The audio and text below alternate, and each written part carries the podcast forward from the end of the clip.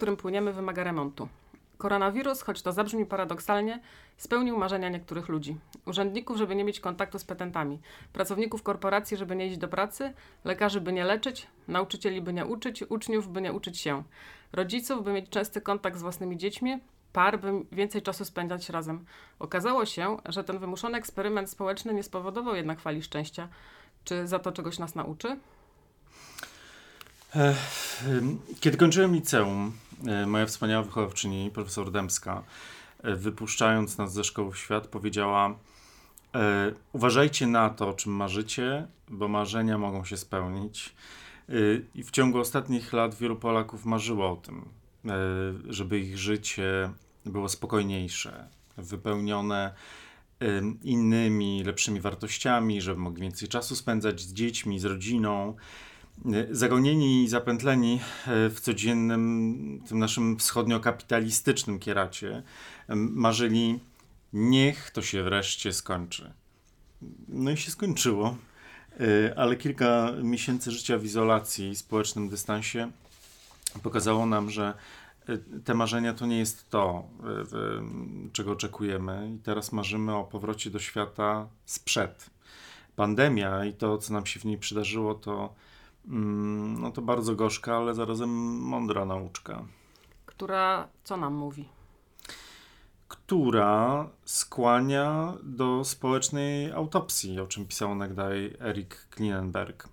Wejrzenia w to, co się zadziało w społecznym organizmie i znalezienia najrozsądniejszych dróg wyjścia z tej sytuacji.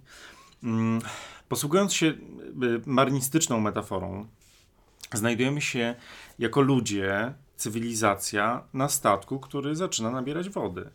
Mm, a naszym zadaniem jest sprawić, żeby razem z nami nie zatonął. Mm, przed pandemią ten statek, umówmy się, i tak nie był w najlepszym stanie. Y, rozchwiany, przeciążony, z indolentnymi kapitanami, szarpany przez sztormy, osiadający co rusz na miliźnie, mimo to jakoś płynął. Dziś wiemy, że jeśli nie zaczniemy remontować tego statku, to długo nie popływamy. Kłopot polega na tym, że y, nie możemy z niego zejść. Mm, nie możemy oddać go do remontu w najbliższej stoczni, y, ustawić w doku i za jakiś czas na nowo zakrętować się na super wycieczkowiec, którym będziemy mogli długo i bezpiecznie płynąć aż, aż po kres naszej y, cywilizacji. Mm, przez wiele lat, a nawet dziesiątków lat, nie, modern, nie modernizowaliśmy tego statku na bieżąco. E, jedyne, co nas motywowało, to chciwość. Mm, nabraliśmy na niego mnóstwo towarów, nie licząc się z tym, co, co będzie dalej. E, byliśmy pyszni i skrajnie nierozsądni. W efekcie Łajba zaczęła nabierać wodę, a my wpadliśmy w panikę. W tej chwili na szybko musimy nasz statek przebudować, umocnić, zrzucić niepotrzebny balast, a, a to rodzi i będzie rodzić ogromne napięcie społeczne. No dobrze, ale czegoś się nauczyliśmy jako społeczeństwo? Yy, no, zdobyliśmy kilka ciekawych umiejętności. Na przykład nauczyliśmy się cierpliwości. To, umówmy się, nie była nasza, jak i większości społeczeństw zachodnich, mocna cecha. Byliśmy przyzwyczajeni do tego, że nasze życie toczy się szybko i prosto, i nagle stop. Musieliśmy nauczyć się czekać. W kolejce do sklepu, piekarni czy urzędu, albo na zakończenie kwarantanny. Z drugiej strony z łoskotem runęła ta pseudo-coachingowa uda dłuższej perspektywy. Wielu magików i szarlatanów, nazywających się mówcami motywacyjnymi lub inspiracyjnymi, Interesowało nas w historiach o tym, jak to było warto zaplanować nasze całe życie co do minuty w długoterminowej perspektywie. Pisaliśmy scenariusze, szczególnie te kredytowe, na kilkadziesiąt lat do przodu. Nasze życie było pożyczone, odrealnione i wydumane. Tymczasem dziś trudno nam je zaplanować z tygodniowym wyprzedzeniem. Jest takie moje ulubione pytanie z cyklu rekrutacyjnych: gdzie będziesz za 10 lat? I ono już chyba całkowicie straciło sens. Tak, tak. To, to, to jedno z najbardziej idiotycznych pytań zadawanych potencjalnym pracownikom podczas rozmów kwalifikacyjnych. I okazało się, że dłuższa perspektywa jest nie do przewidzenia w kontekście naszego życia, relacji, budowy domu, kupna mieszkania i podróży, które sobie zaplanowaliśmy. I mam wrażenie, że to poczucie niepewności w nas zostanie i zmieni nas na długo. E, ludzie mówią, nie wiedziałem, nie wiedziałam, że można tak żyć. Mniej mieć i być zadowolonym. Wakacje spędziłam na działce i był to jeden z lepszych urlopów w moim życiu. I mam wrażenie, że zachowujemy się jak dzieci, którym odebrano smartfony, ale dano do zabawy patyki i piasek. No, zwiększyła się nasza kreatywność. Czegoś zabrakło, więc trzeba było to czymś zastąpić. Mm, mam bardzo dużo szacunku dla pomysłowości rodziców, którzy zostawali z dziećmi w domu i musieli nauczyć się z nimi bawić oraz opowiadać im świat, mając do dyspozycji średnio 40 metrów kwadratowych. Mm, mamy inne, bardziej kreatywne wakacje bez all inclusive. Y, musimy sobie znaleźć nową pracę, nowe zajęcie. Wielu z nas nauczyło się samodyscypliny.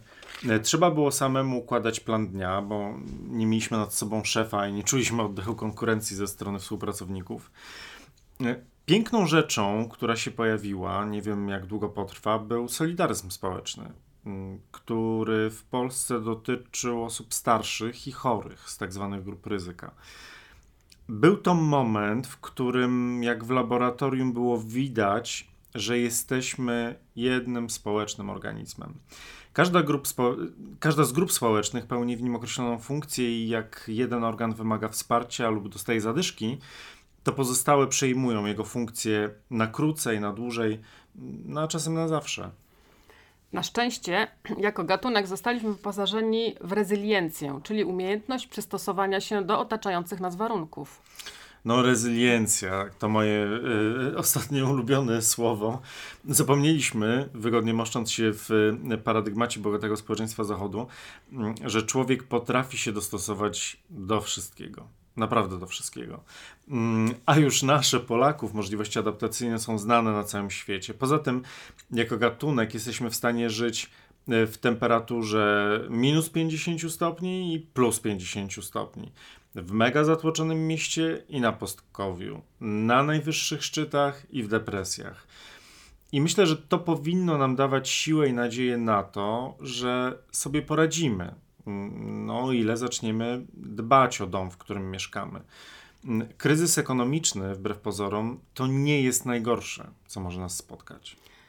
Mam wrażenie, że największe zmiany czekają nas jednak w dwóch sferach: w sferach edukacji i w sferze pracy. Tak, to prawda. I zaskakuje mnie konsekwentne milczenie na, na ten temat. Twórcy i kustosze dawnych systemów zachowują się tak, jakby pandemia nic nie zmieniła. Mm, a przecież mm, nie wrócimy już do dawnej szkoły i do dawnej pracy. Udawanie, że będzie po staremu, przyczynia się do podtapiania naszego statku, o którym, o którym wcześniej rozmawialiśmy. W sferze edukacji y, moją szczególną uwagę przykuła równość i nierówność szans, bo z jednej strony wprowadzenie nauczania online uwidoczniło ogromne dysproporcje część dzieci zniknęła z systemu edukacji, a te, które zostały, borykają się z wieloma problemami wynikającymi z braku kompetencji cyfrowych oraz dostępu do odpowiednich narzędzi, na przykład braku komputera w domu. Ale pandemia yy, uwidoczniła największą słabość polskiego systemu edukacji. Polska szkoła, która w ostatnich latach została cofnięta o kilkadziesiąt lat, technologicznie tkwi głęboko w XIX wieku. Y, z drugiej strony, na poziomie szkół wyższych, mm, online może zrównać szanse tych, którzy nie mieli pieniędzy na to, żeby studiować na dobrych uniwersytetach w wielkich miastach. Teraz, dzięki temu, że nie muszą przeprowadzać się do innego miasta, mają szansę ukończyć prestiżową uczelnię.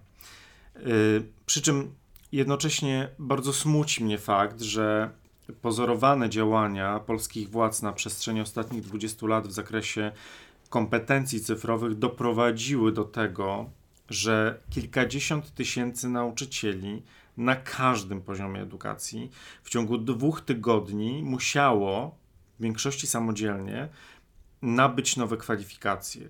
Chałupniczo, bez systemowego wsparcia i bez dodatkowego wynagrodzenia. Ale jest też tak, że y, największa rewolucja dotyczy pracy. Y, ludzie zaczęli dzielić się na tych, którzy muszą iść do pracy, bo nie mogą jej wykonywać w domu, tych, którzy raz chodzą, a raz nie chodzą, oraz tych szczęściarzy, którzy mogą pracować skądkolwiek. Mm, no, tak, tak. I nie ma powrotu, albo znaczy nie będzie powrotu do zatłoczonych biurowców. Mm, praca zdalna stanie się normalnością, a, a nie wyjątkiem od reguły. Y, hybrydowość w wykonywaniu zawodowych zadań y, staje się elementem tak zwanej nowej normalności, choć przyznam, że to określenie mnie trochę uwiera. Mm, I to również moment, w którym pracownicy korporacji docenili tak zwanych freelancerów, którzy są zobligowani do tego, żeby na co dzień sami sobie organizować czas i przestrzeń pracy.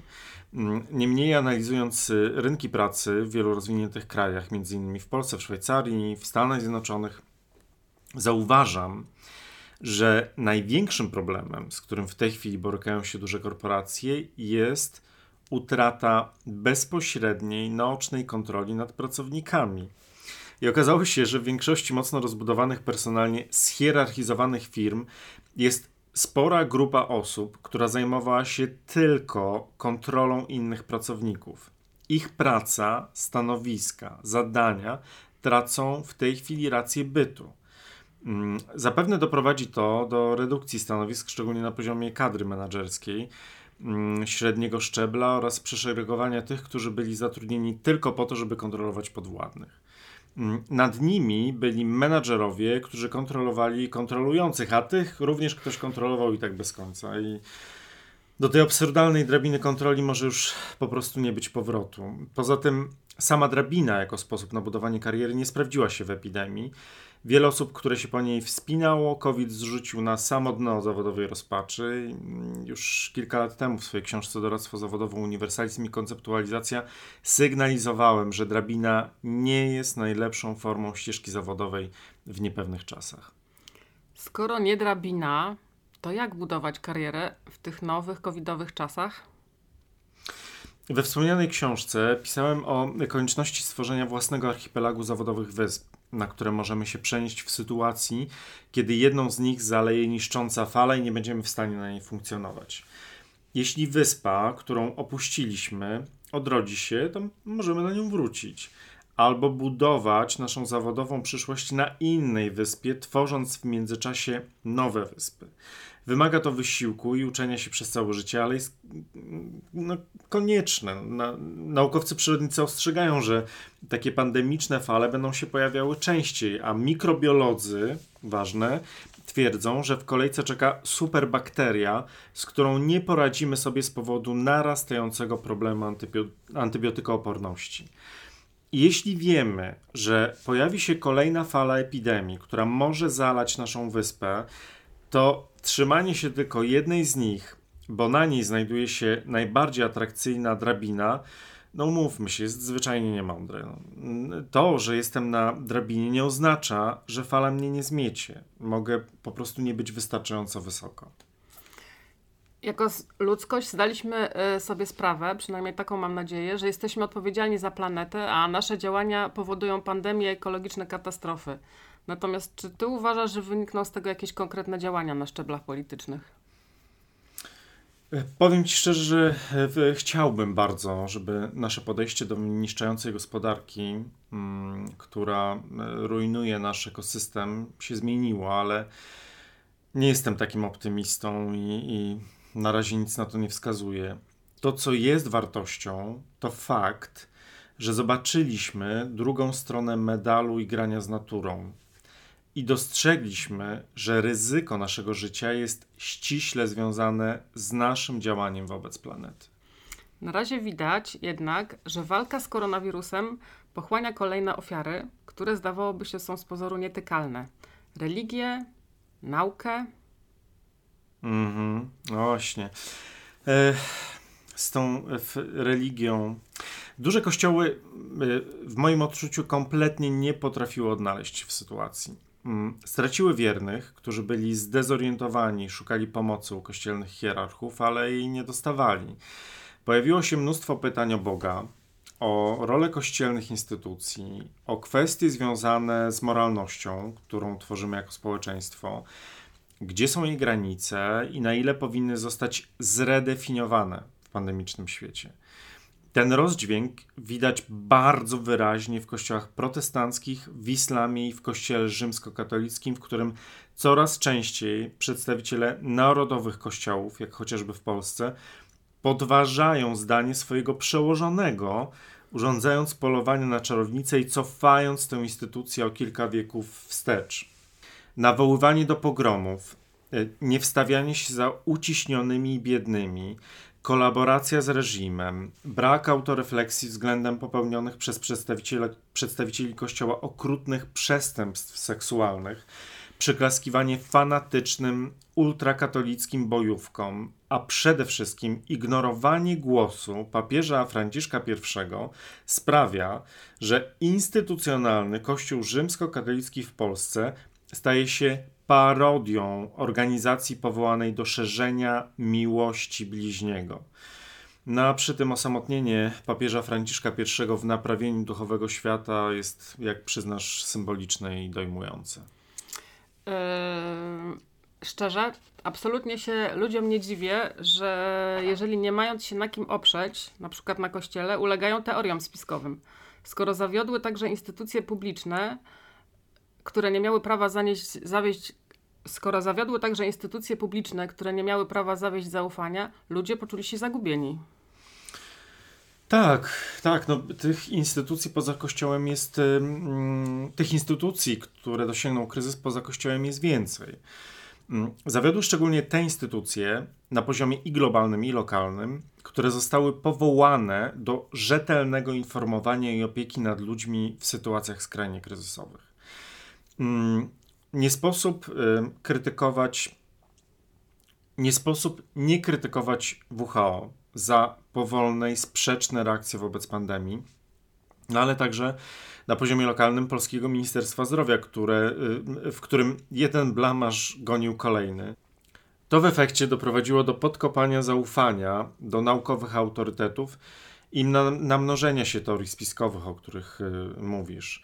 Y, zabrakło też osób, które opierając się na naukowej wiedzy w umiejętny i zrozumiały sposób informowałyby społeczeństwo o tym, co się dzieje na świecie w kontekście pandemii. No, po raz kolejny okazało się, że funkcjonowanie w oderwaniu od ludzi w wysokiej wieży z kości słoniowej, preferowane przez wielu naukowców, również o zgrozo działających w obszarze nauk społecznych, nie zdało egzaminu i no, wiesz, no, naukowcy obrażają się na ludzi, że nie rozumieją ich skondensowanego, hermetycznego przekazu, zamiast próbować zmierzyć się z żywą społeczną tkanką. Pandemia obnażyła to, że większość badaczy społecznych bada swój fantazmat społeczeństwa, a nie jego prawdziwy obraz. Zygmunt Bauman zresztą nazwał to mimetyczną relacją z przedmiotem badań. I, I z tego powodu przed nami, naukowcami, mnóstwo pracy, żeby zaprojektować, żeby zaprojektować badania, które dadzą nam odpowiedź na to, jakie jest to społeczeństwo teraz, co się zmieniło i w jakim zakresie. Z tego powodu tak ważna jest wzmożona praca mm, mojego środowiska naukowego, specjalistów z zakresu nauk społecznych, którzy, o ile będą potrafili się ze sobą porozumieć, powinni zaproponować nowy porządek na, na tym naszym statku. To, co niepokoi mnie i to, co powinno budzić też niepokój yy, naukowców, to fakt, że przestaliśmy ufać też innym ludziom. No niestety. Yy, zadajemy sobie pytania, przebywając z innymi ludźmi, spotykając się z nimi, czy ta osoba, która siedzi obok mnie, jest zakażona, czy nie? Czy mogę jej podać rękę, czy nie? Nawet jeśli ta osoba przechorowała COVID, to czy się od niej zakaże? Ta niepewność dotyczy bardzo różnych sfer. Mm, można wyczuć, że pod społeczną skórą buzuje kilka wulkanów. Ludzie też są zmęczeni, zmartwieni, zniecierpliwieni, zlęknieni. To sprawia, że tak łatwo wzniecić plemienne konflikty, jak chociażby absurdalny atak na y, osoby LGBT w Polsce, prowokowany głównie przez y, ludzi, umówmy się, niepogodzonych ze swoją seksualnością i orientacją, skrywaną głęboko wskutek nacisków kulturowych Ten wewnętrzny lęk prowadzi do y, wyrzutów resentymentu, a w efekcie do nawoływania do linczu. I obiekt pożądania staje się największym wrogiem. Historia zna mnóstwo takich przypadków. No albo to, co się dzieje wobec kobiet, ograniczanie y, ich wolności. No to są rzeczy, które są y, potwornie smutne. Do tego braku zaufania dochodzi jeszcze wymuszony dystans i to osławione przeniesienie spotkań do sieci. Ja niedawno miałam e, okazję spotkać się oko w oko z kilkoma menedżerami, naukowcami i wszyscy wzdychali. No wprawdzie jesteśmy introwertykami, ale nie da się żyć wyłącznie na Zoomie. No, no tak, tak. No, w związku z tym, że porozumiewamy się głównie za pomocą telefonów, czatów i wideo, kontakt fizyczny jest ograniczony, a często niemożliwy. No i nie możemy zobaczyć gestów, mimiki, e, poczuć Mm, rozumiesz, tak wiesz, tak dotknąć, poczuć nawet nozdrzami tego drugiego człowieka. Przez to tracimy ogromny zbiór informacji płynących ze strony komunikacji niewerbalnej. I można powiedzieć, że nasze spotkania to już nie są zwykłe spotkania, tylko coś, co moglibyśmy nazwać spotkaniami intersubiektywnymi, bo bardzo wiele tych informacji o tym drugim człowieku zostało nam zabranych. Czyli?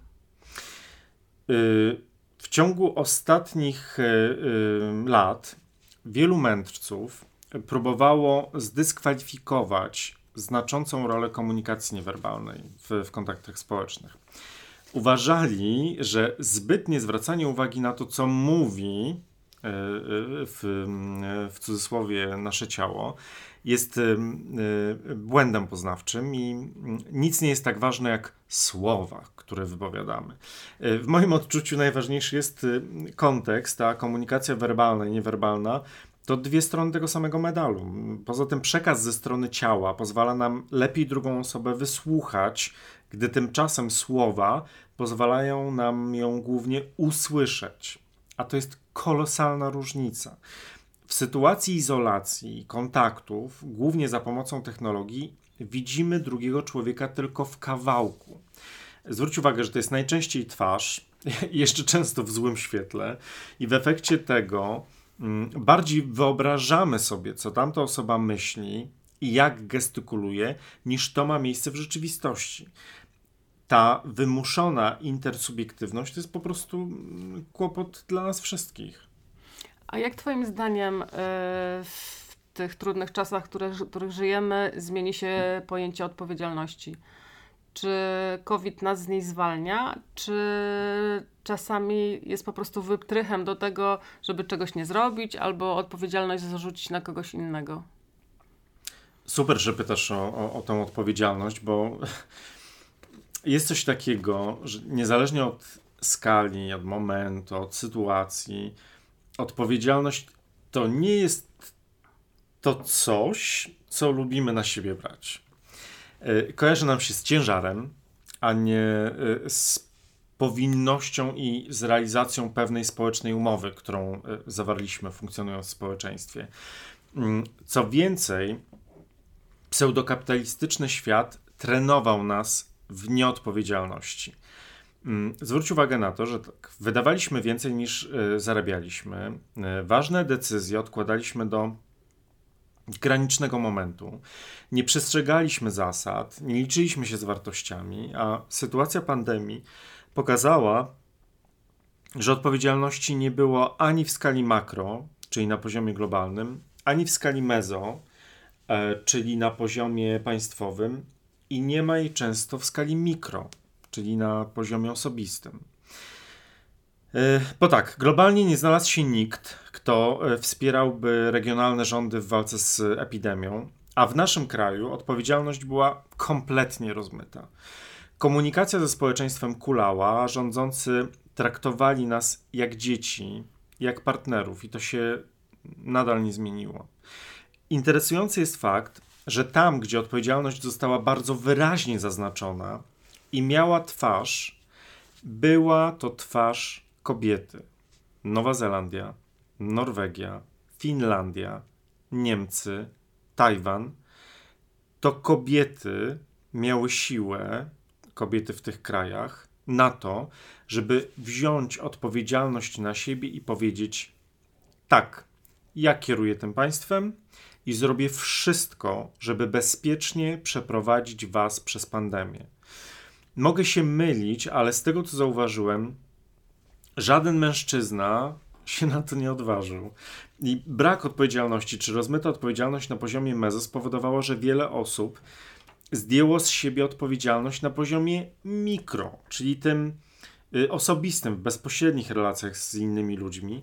W efekcie tego maseczki w naszym kraju nie są szansą na uniknięcie zachorowania, ale przykrą koniecznością, wobec której wielu się buntuje. I z odpowiedzialnością będziemy mieli też do czynienia, już mamy do czynienia w przypadku szczepionek. Znów nie będziemy chcieli wziąć odpowiedzialności za nasze zdrowie i za zdrowie innych, i za zdrowie całego społeczeństwa, e, i zaczniemy kombinować, jak tych szczepień można uniknąć. Mm, pamiętam, że y, noszenie maseczek spowodowało wysyp na mediach społecznościowych relacji ludzi, którzy byli dumni z tego, że tych maseczek nie noszą. Zachowywali się prowokacyjnie i chwalili się na przykład. Jesteśmy pierwszymi klientami, którzy weszli do tego sklepu bez maseczek. O matko, rzeczywiście, no rzeczywiście można być, to jest odwaga, to jest rzeczywiście coś niesamowitego. Jest to kompletny brak wyobraźni i, i, wiedzy. Boję się, że w przypadku szczepionek też takie historie będą się pojawiały.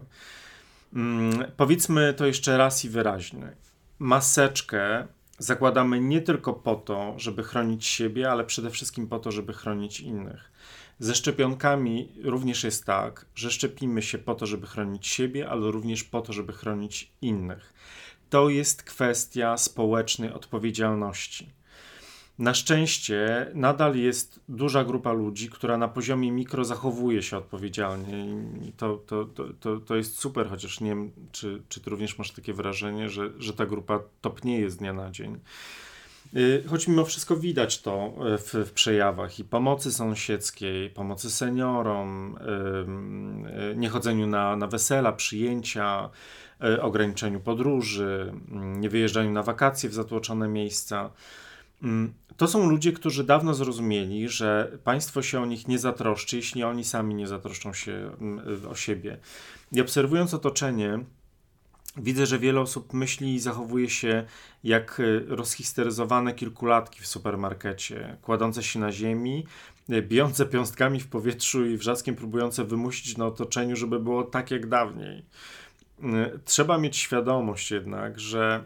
Mm, może zranię tym parę osób albo zniszczę im świat, ale nic już nie będzie takie jak dawniej. Mm, wiele osób myśli, że przetrwamy jesień, zimę, e, ale na wiosnę już będzie w porządku. Też jest wiele osób, które myśli, że zmieni się cyferka w dacie w, za chwilę w nowym roku i ten nowy rok już będzie zupełnie nową jakością. Nie wiem, jak będą wyglądały wakacje w przyszłym roku, ale pamiętaliśmy wakacje z 2020 roku, legendarne zdjęcie z lotu ptaka nad plażą we Władysławowie.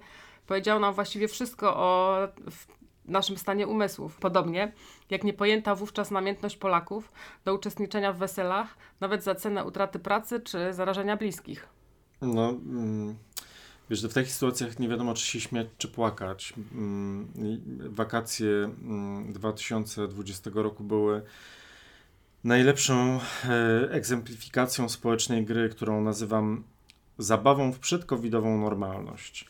Może kiedyś wyjdzie taka planszówka w ogóle. E, I reguły polegają na tym, że udajemy, że nic się nie stało, że jest normalnie, czyli tak jak było przed pandemią. Zatem normalnie wsiądziemy do zatłoczonego pociągu i normalnie pojedziemy do zapełnionego ośrodka wypoczynkowego, żeby normalnie pójść na plażę, gdzie normalnie będą zalegać obok, obok nas setki ludzi, normalnie nie będziemy mieć na sobie maseczek ani stosować dystansu społecznego.